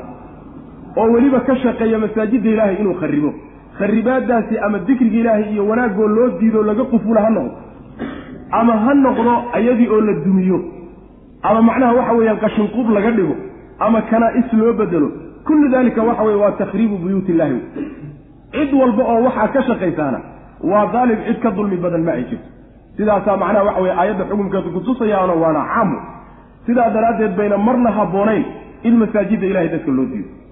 oo salaadaha uun keliyataa lagu tukado inta la yidhahdo dadka laga qufulo. wax habboon maaha nadaafadooda iyo maamulkooda ha la hagaajiyo laakiin masaajidda cilmiga ha lagu barto. oo macnaha qur'aankii ha lagu akriyo oo ha furnaadeen oo dadku ha ka faa'idaysteen xilliyo macnaha waxa weeyaan uun maamulkeeda iyo idaaradeeda iyo wanaajinteeda uun laga shaqaynaya mooyaane laakiin waxa weeyaan salaada intay tukataan marka salaada la tukado qufulka in laisla daba taagnaado sida meelaha qaarkood ka jirtaayo waa takriibu buyuuti illaahi ama macnaha in guryihii ilaahay iyo yacni masaajidii xurmada lahaa in la aado in shuruud ad adag lagu soo rogo oo dadkii laga caydhsado oo la dabagalo oo la tarxiilaayay ayadana waxa weye wax diinta ilahay ku yaalla maha kullu dalika waxa weya waxaan ilahi subxaana watacala wax xujaa u soo dejinin. Takriib buyuuti illahina wey. Qolyaha noocaas oo kale rabbi subxaana wa tacaala wuxuu yidhi sida ku habbooneed waxay ahayd inayna guryaha gelin oo buyuudda ilahay masaajidda ayna gelin ilaa iyagoo cabsanaya mooyaane oo muslimiinta ka cabsanaya. Taa macnaheedu waxa weeye oo laga wadaa ama yaynan gelin waa khabar bimacnaa dalab ah oo masaajidda marnaba yayna gelin kuwaasi ilaa iyagoo cabsanaya oo jizye aad ka qaadaan oo dullaysan mooyaane. Waa amar markaas. Sidii nabigeennuba salawatullahi wasalaamu calayhi markuu furtay meesha la yihahdo maka rasuulku sal alay wasalam waa kii ay soo degtay aayaadka qur'aanka fi suurati tawba aan ugu tegi doono. Nebigu sal alay wasalam sannadkii sagaalaad waa kii ragga diray ee laga istaagay markii laysugu yimid yacni waxa weeyaan banki weynaa maanta kadib nin gaala ma soo xajin karaa le yaa ayuha aladiina aamanuu inama almushrikuuna najas falaa yaqrabu lmasjid alxarama bacda caamim hada baa lagu yidhi dib dambe mushrig uma imaanin guryihii ilaah waa laga sifeeyey. Wax alla wixii yaallay oo dhanna waa laga baabi'iyey sidaasi in laga wado oo muslimiinta amar la siinayo la leeyahay guryaha ilaah iyo masaajidda yayna gelin ayagoo dullaysan mooyaane oo jizye bixinaya mooyaane. Waa suurtagal. Waxaa kaloo suurtagala in bishaaro ay oo nebiga loogu bishaaranayo mu'miniinta inay geli doonaan inay ka qabsan doonaan meesha la yidhahdo maka iyo buyuudda ilaahay ay qabsan doonaan oo iyagoo dullaysan oo ihaanaysan gaaladu ay soo geli doonaan. Sida suurat ba insha allahu tacala aan ugu tegi doono. Macaanidaaba waa la sheegaa macana waman adlamu yaa ka gardarro badan minman cid manaca diiday masaajid allahi masaajidda ilaahay u diiday dadka u diiday an yudkara in la xuso diiday an yudkaradaasi waxay bedel ka tahay masaajidda an yudkara in la xuso diiday fiiha masaajidda ismu magaca ilaah oo wasaca shaqeeyey oo ku dadaalay fii kharaabihaa kharibiddeeda yacni waxa weeyaan kharaabkaas ama digri ilaahay laga hor istaago weye oo inay marato wey ama waa duminteeda iyo macnaha dullaynteeda wey ulaa'ika kuwa. Maa kaana lahum uma ahaanin oo uma macnaha waxa weeye uma habboona ma habboona an yadkhuluuha inay galaan masaajidda ilaa khaa'ifiina kuwa cabsanaya xaalo ay yihiin mooyaane. Iyagoo cabsanaya mooyaane. Macnaha ha gelinina iyagoo cabsanaya mooyaane waa suurtagal. Ama ma ahe sidaasay noqon doontaa arrinku oo iyagoo cabsanaya mooyaane si kale ku soo geli maayaan. Cumar ibn khataab radi allahu canhu nabiga dardaarankiisa gadaal dambe waa ka ka fuliyey oo jasiiratulcarab oo dhan gaalo ka sifeeyey. Nabigaa salawatullahi waslamu caleyh wuxuu yihi yacni jasiiratulcarabi lama diinood isuguma yimaadaan buu nabigu yihi salawatullahi waslamu caleyh laakiin nebigu wuxuu ka tegey iyadoo jasiiratulcarab weli ay gaala sii joogto. Cumar ibnu khataab radi allahu canhu markuu dowladda islaamka qabtay buu ka qaxiyey khaybar iyo meelahaaso dhan buu ka wada caydhiyey maxaa yeele islaamka keliyata waxa weeye meeshii guldhigga u ahayd saldhigga xaruntii islaamka meeshuu ka duulay wey islaamku macana marka diin kale inay la weeliso lama ogola sidaas weya lahum waxaa u sugnaaday fi dunya adduunyada dhexeeda khizyun fadeexa iyo dulli baa sugnaaday. Walahum fi laakhirati aakhira dhexeedana waxaa u sugnaaday way leeyihiin cadaabun baa u sugnaaday cadiimun oo weyn. Walilahi almashriqu waalmagribu faaynamaa tuwalluu fatama wajhu llah ina allaha waasicun caliim. Aayaddana waxa weeye waxa uu leeyahay ibnu katiir waxay tacsiye u tahay iyo qalbi qaboojin nebiga salawatullahi wasalaamu caleyhi saxaabada maxaa yeele nabigeena salawatullahi wasalaamu caleyh maka markuu joogay horta wuxuu jeclaan jiray sida inoo maan doonta in qiblada salaada uula jeedsado looga dhigo kacbada iyo maka halkaas maxaa yeele waa qibladii aabihii ibraahim caleyhi wacalaa nabiyina asalaatu wasalaam. Saasuu jeclaan jiray nebigu salawatullahi waslamu caleyh intuu marka maka joogay baytulmaqdis buu u jeesan jiray laakiin wuxuu samayn jiray xagga kale intuu ka maro kacbada buu kacbada qaabili jiray markaasuu baytulmaqdisna u sii jeesan jiray. Yacni waa isu wada marin jira oo dhankooda u wada jeesan jiray. Markuu maka ka tego oo madiine uu tegey ayaa us waxaa u suurtageli weyday labadoodiiba inuu wejiga isu mariyo oo u wada jeedsado murug badan baa marka nebiga salawatullahi wasalaamu caleyh ku dhalato wuxuu jeclaaday in loo celiyo maka loo celiyo oo xagga loo jeediyo. Markaasaa ilaahay subxaana wa tacaala u qalbi qaboojinayaa waxaa la leeyahay walilaahi ilaahay ayuu u sugnaado allah iskale almashriqu oo raxda dhankay ka soo baxda waalmaqribu iyo dhankay u dhacdaba ilaahay baa iskale.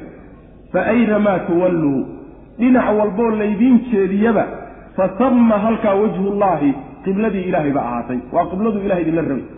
Kolba dhankaad u jeedsataanba qibladii allah subxaana wa tacaala raalliga uu idinka ahay idinla jecel yahay weyaan kolba dhankii laydiin jeediyaba oo laydin amro inaad u jeedsataan ina allaha alle waasicun. Midkii uu waasac yahay weeye midkii waasac weeye cali fadligiisa iyo raxmadiisu ay waasac tahay caliimun oo haddana cilmi badan wey rabbi subxana wa tacala macnaha waxa weeye sidaasi ayaa la leeyahay. ama waxaa lagu radinayaa aayadda yahuud baa lagu radinaya oo yuhuud baa markii nebiga sal alay wasalam inta baytulmaqdis laga soo wareejiyey sida imaan doonto kacbada la qaabiliyey oo xagga salaada ula jeesa layidhi ayaa waxay yidhahdeen maa wallaahum can qiblatihim alatii kaanuu calayha. War qibladii hadda ka hor ay u jeesan jireen baytulmaqdis ahay war kuwan maxaa ka jeediyey? Oo mar labaad dib u celiyey. Qul lilaahi lmashriqu waalmaqribu fa aynamaa tuwalluu fatama wajhullah meel walba ilaahay baa iskale qorax ka soo baxiyo qorur dhacda. Meeshii laydiin jeediyo inaad u jeesataan laydin amraba ilaahay baa iskale soo ilaahay qibladiisii uu idin rabay inaad u jeesataan middaa iyadaaba allahna subxaana wa tacala midkii waasac calima meesha marka wajhullah wejigaasi bacdu mufasiriin waxay marayaan wejigu bimacna alqibla in laga wado maxaa yeele luqada carabiga waa ku yimaadaa weji oo bimacna alqibla laga wado. Dhankaad u jeedo oo weji la yidhaahdo. Aad u jeesanayso weji la yidhahdaay qible in la yidhahdo in macnaha waxa weye lagu magacaabay luqada carabiga waa ku timaadaa sidaa daraaddeed macnaha marka la maro ta'wiil ma ah wejigii ilaahay oo la ta'wiiliyey ma ahe markeedii horaaba wejhullah bimacnaa qiblatullahi loola jiray. Luqada carabigana sax bay ku tahay ibnu cabaas iyo macnaha qolo taabiciinta ka midana ra'yigaa maraysa. Qolyo kaleetoo mufasiriinta ka mida waxay marayaan wajhullah in sideeda loo daayo wejigii ilaahay baa halkaa idinka jira la yidhahdo dhankaa idinka jira. Dhinac walbood u jeedsataanba oo laydin jeediyaba wejigii ilaahay baa idinka jira. Qaabku inooga jiro ma garanayn. Sifay markaa ka dhigayaanoo saaha loo daayay leeyi labada ra'yi waxaa kala qaba. Shaykhulislaam ibnu taymiya iyo macnaha tilmiidkiisa ibnulqayim baa kala qaba labada ra'yi. Marka waa masale noocaas oo kale. A qolada qiblada ku fasiraysana maaha inay wejiga ilaahay diidan yihiin laakiin waxa weye ujeeddada aayadday macnaha waxa weye sidaas wayaan leeyihiin macnaha. Oo qibladuna macnaha saa waa ku timaadaa labada macnoba waa la maray. Walilaahi ilaahay buu u sugnaaday almashriqu. Dhanka ay qoraxdu ka soo baxda iyo walmaqribu labadooda si gooye waxaa jihooyinka looga xusay aayaadka waaweyn baa ka soo baxo u dhaca. Fa aynamaa dhinac meel alle meeshii tuwalluu laydiin jeediyo inaad u jeedsataan laydin amraba. Fa tama halkaasu wajhullah qibladii ilaahay uu idinla rabay ay halkaasi waa dhankii ilaahay uu rabay inaad u jeedsataan ama fa tama halkaasu wajhullahi ilahay wejigiisii jira. Dhankaasi wejigii ilahi subxaana wa tacaala ayaa idinka jira. Maxaa yeele ilaahay caalamkan oo dhan waa koobo muxiis buu ku yahay. Mana garanayno ma sifayn karno ibni aadam iyo makhluuq ugama qiyaas qaadan karno. Saasaa marka lagaga bixi haddii tafsiirkaa la maro. Ina allaha alle waasicun weye mid naxariistiisu ay ballaaran tahay caliimun oo haddana cilmigiisu badan yahay. Wa qaaluu ittakhada allahu walada.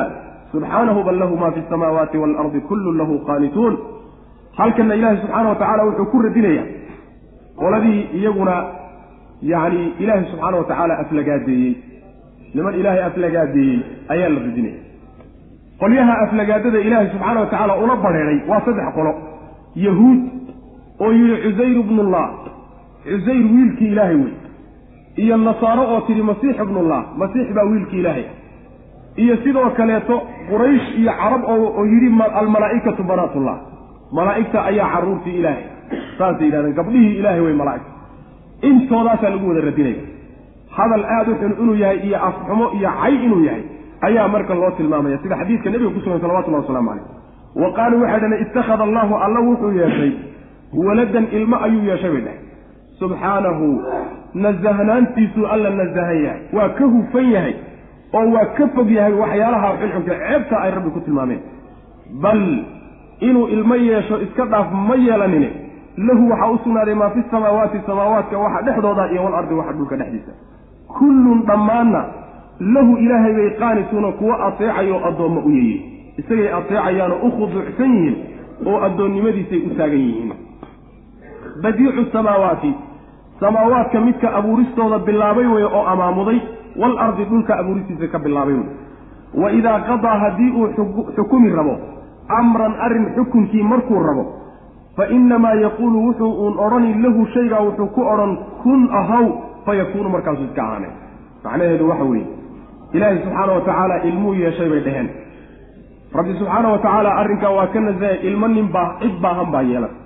Cid baahan ayaa ilmo sideedaba yeelan. Ilmahana sidiisaba dhalitaankiisa waxyaalo badan oo waxaa la socda xunxun ah. Islaan la guursado iyo yacni afcaal xunxun oo noocaasoo kaleeta abaa ilmaha dhalitaankiisa la socda. Baahidaana ilmaha loo dhashaa oo loo korsadaa cid baahan baa korsata. Ilaahay subxaana wa tacaala maxaad u caayaysaan marka. Rabbi waxaa waa ka nasahaya xadiidka nabigay ku timi salawatullahi wasalaamu calayhi xadiidulqudsi alla uu leeyahay ibni aadam waa icaayahayaa garna uma laha inuu icaayo saasuu rabbi ilahi subxana wa tacala caydiisa uu icaayayo waxa weeye odhaahda uu leeyahay alla ilmuu yeeshay waa cay iyo aflagaadow xaqna uma laha ibni aadam inuu saa ii caayo rabbi ilahi subxana wa tacala xadiidka nabiga bukhaari iyo keyrka ay wariyeen ayaa sidaa ku yidhi. Alla samaawaadkiiyo dhulka waxa dhexdooda a buu leeyahay isagayna addoommo u wada yihiin oo wada adeecsan yihiin kulli waa wada addoommo isaguna waa khaaliq oo waa midkii abuuray oo waa macbuud iyaguna waa addoommo. Addoommo iyo allahna meelay isaga tagaan maba jirtaba. Sideedana waxaa asal oo la yaqaanaa ilmuhu inuu aabbihii la jinsi yahay oo uu la cunsur yahay oo la nooc yahay haddii intii kalena makhluuqaad noqdeen isaguna keligii khaaliq noqday xaggee bay isaga imaanayaan see bay isugu imaan karaan makhluuq iyo khaaliq oo isu dhali karaan. War jira maaha samaawaadkiiyo dhulkaba isagaa abuuristooda bilaabay. Markuu doono inuu arrin xugmiyo oo uu yacni waxa weeye xukumana uma baahna inuu wax dhalo oo islaam guursado oo waxyaalahaa soo mare. Yacni kun unbuu dhihi sidii uu rabay buuna u dhacayaa. Sidaasuu rabbi lehy subxana wa tacala wa qaaluu waxay dhaheen ittakhada allah allah yeeshay bay dhaheen waladan ilmo ayuu yeeshay subxaanahu. Alla waa nasaahyo waxa waa ka fogyo waa ka hufan yahay bal lahu waxaase u sugnaaday maa fi samaawaati samaawaadka waxa dhexdaya waalardi dhulka waxa dhexdiisa kullun dhammaanna lahu ilaahay bay qaanituuna kuwa adeecsanoo cibaadadiisa u taagan yahay badiicu samaawaati. Samaawaadka midka abuuristooda bilaaba badiic bimacna almubdic wey shay aan lagaaga horraynin markaad bilaabato ayaa badiica la yidhahda samaawaadka midka abuuris bilaabay weeye waalardi iyo dhulka isagoon cidna kaga dayanayn waidaa qadaa hadduu xugmin rabo amran arrinna fa innamaa yaquulu wuxuu uun odhan lahu shaygaa wuxuu ku odhan kun ahow fa yakuunu markaasuu ahaanay. Innamaa amruu idaa araada shay-an an yaquula lahu kun fa yacni waxa weye dhe imow sidaa u dhac unbuu odhanaya. Sidii buuna u dhacaya macnaha rabbi subxaana wa tacala uu rabeeyey awooddiisa macnaha heerkaasi gaarsiinta wa qaala aladiina laa yaclamuuna lawlaa yukallimuna allahu aw taatiina aaya kadalika qaala aladiina qaala kadalika qaala aladiina min qablihim midla qawlihim tashaabahat quluubum qad bayana alaayaati liqowmin yuuqinuun qolyo kalaa meeshana lagu radinaya wa qaala aladiina kuwii waxay yidhahdeen laa yaclamuuna aan waxba garanaynin waxba aan ogeyn lawlaa yukallimuna allahu alla muu nala hadlo oo maxamedow nebinimadaada buu toos noogala hadla annaga aw amase ta'tiinaa may noo timaado aayatun mucjizada annagu aanu sheeganayno taas may noo timaado kadalika sidaasna qaala waxaa yidhi sidaasoo kale ayay qaala yidhaahdeen alladiina kuwii min qablihim iyaga ka horreeyey misla qawlihim hadalkoodaasoo kale xal. Yacni xaal uu hadalkoodaasoo kale hadal la midana kuwii iyaga ka horreeyey bay. Tashaabahat waxaa isu ekaatay quluubuhum quluubtoodiibaa isu ekaatay. Qad bayannaa waanu caddaynay alaayaati aayaadkii waanu cadcadaynay liqowmin dad baase u cadcadaynay yuuqinuuna rumaynaya oo macnaha waxa weye yaqiininayaan u cadcadaynay haddii ay leeyihiin nebinimadaada maxaa daliilu oo na tus innaa anagu arsalnaaka waan ku tirno horta rasuul inaa taha waa sidaas bilxaqi mutalabisan bilxaqi adugoo xaq ku dheehan. Bashiiran xaal aad tahay mid bishaaraynaya yacni guul iyo liibaan adduunyiya mid aakhara ciddii ku raacdo ku rumaysa aad ugu bishaaraynayso wa nadiiran mid digaya xaal aad tahay ciddii ku beenisa aad guuldarro adduunya mid aakhara aada uga digayso walaa tus'alu wal xaal ayaa lagu diray laa tus'alu aan lagu weydiinaynin can asxaabi aljaxiimi. Jaxiimo dadkeeda aan wax lagaa warsanayn yacni maxay jaxiimo ku galeen oo maxaad uga badbaadin weyday oo iimaanka qalbigooda u gelin weyday? Arrin ku taalla ma arrintaasi arrin dushaada saaran ma aha baa lagu leey macna qolyahan marka la leeyahay waxba aan aqoonin. Ee odhanaya ilaahay muu nala hadlo?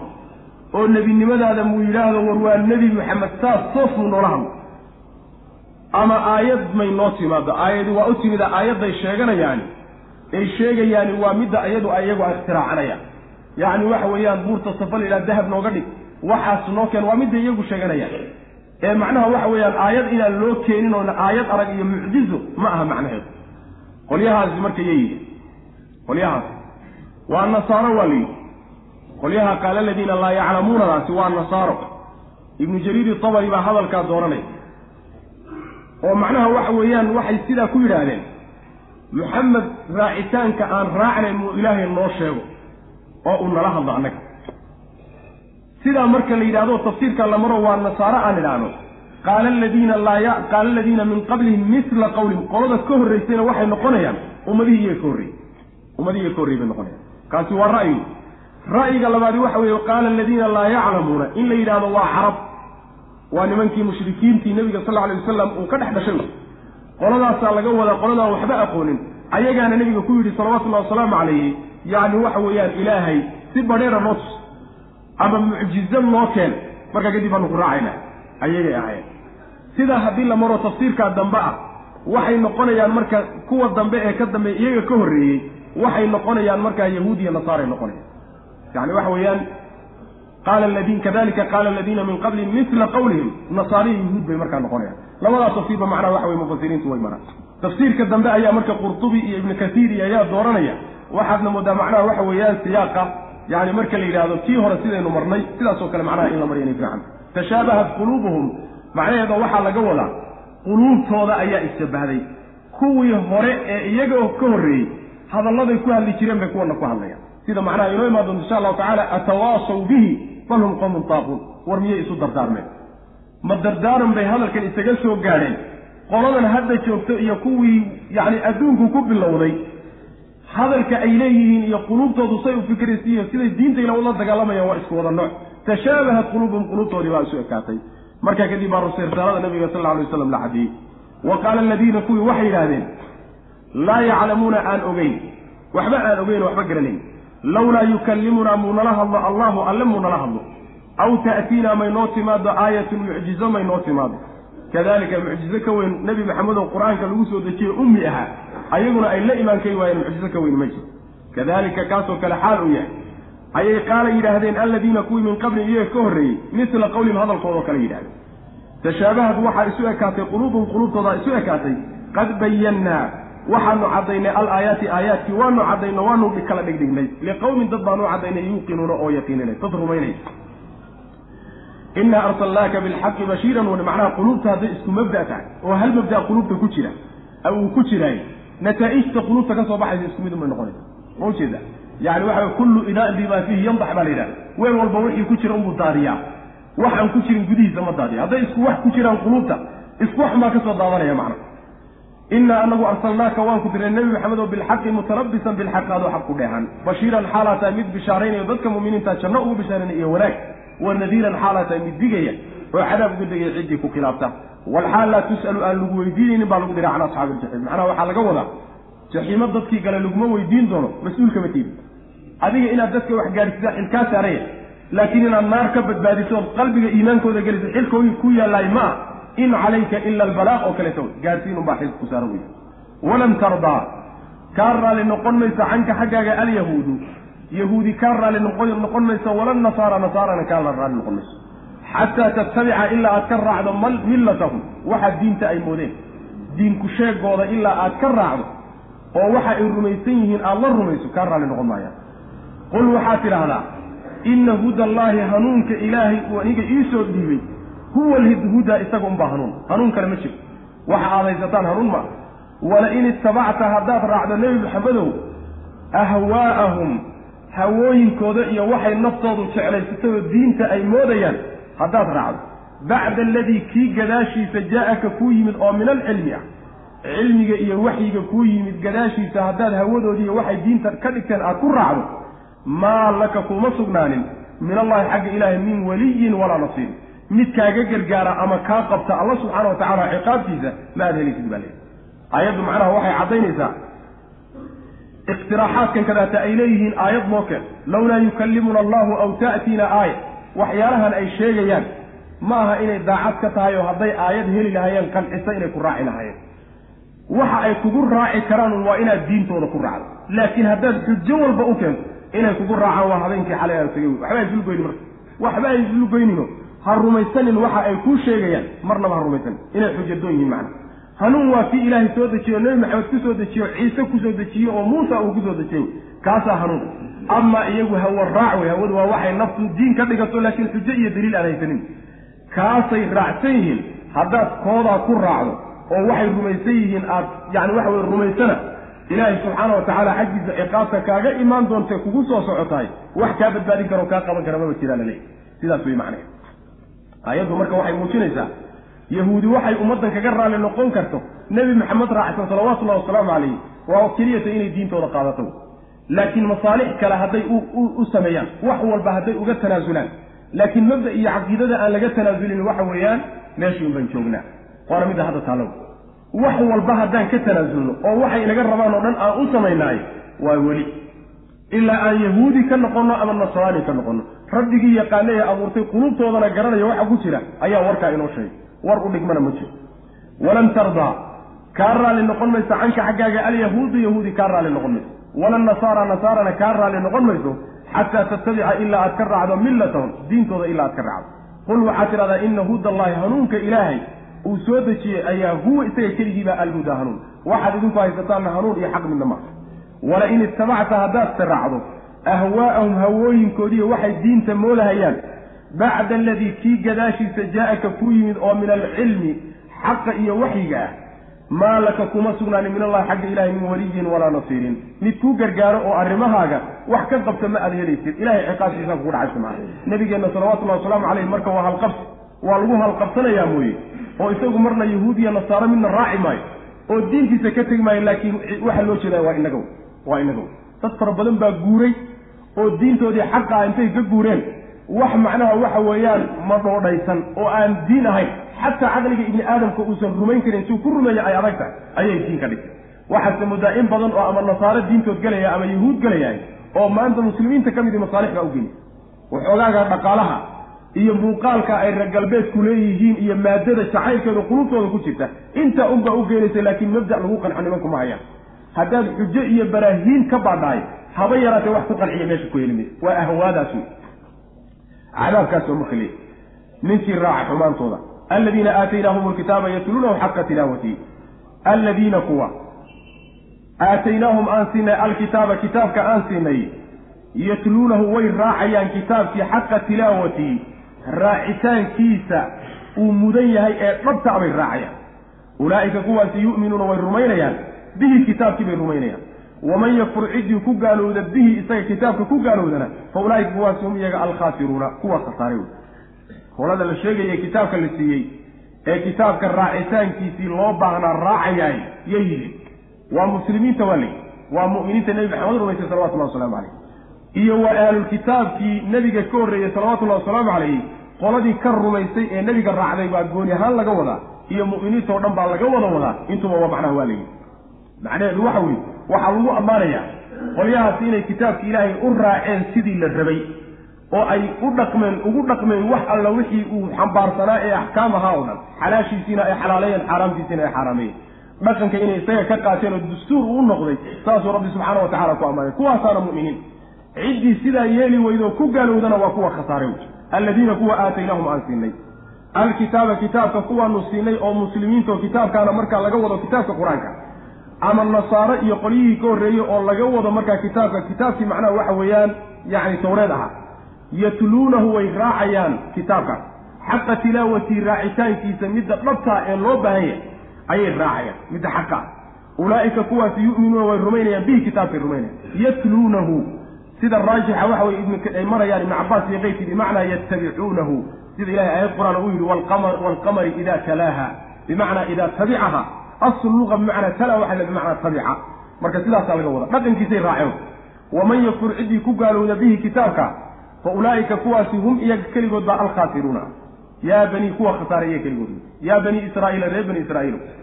Udkuruu xusa nicmatii nicmadaydii xusa allatii nicmadaasoo ancamtu aan nimceeyey calaykum dushiina aan ugu nimceeyey wa annii aniguna fadaltukum inaan idinka fadilay xusa cala alcaalamiina caalamiinta inaan idinka fadilay wattaquu war iska ilaaliya yowman maalin oo ka dhowrsada maalinkaasoo laa tajzi aynan gudaynin nafsu nafi can nafsin nafta kaleeto shayan waxba ayna ka gudayn. Waxba u tari karin waxba u qaban karin.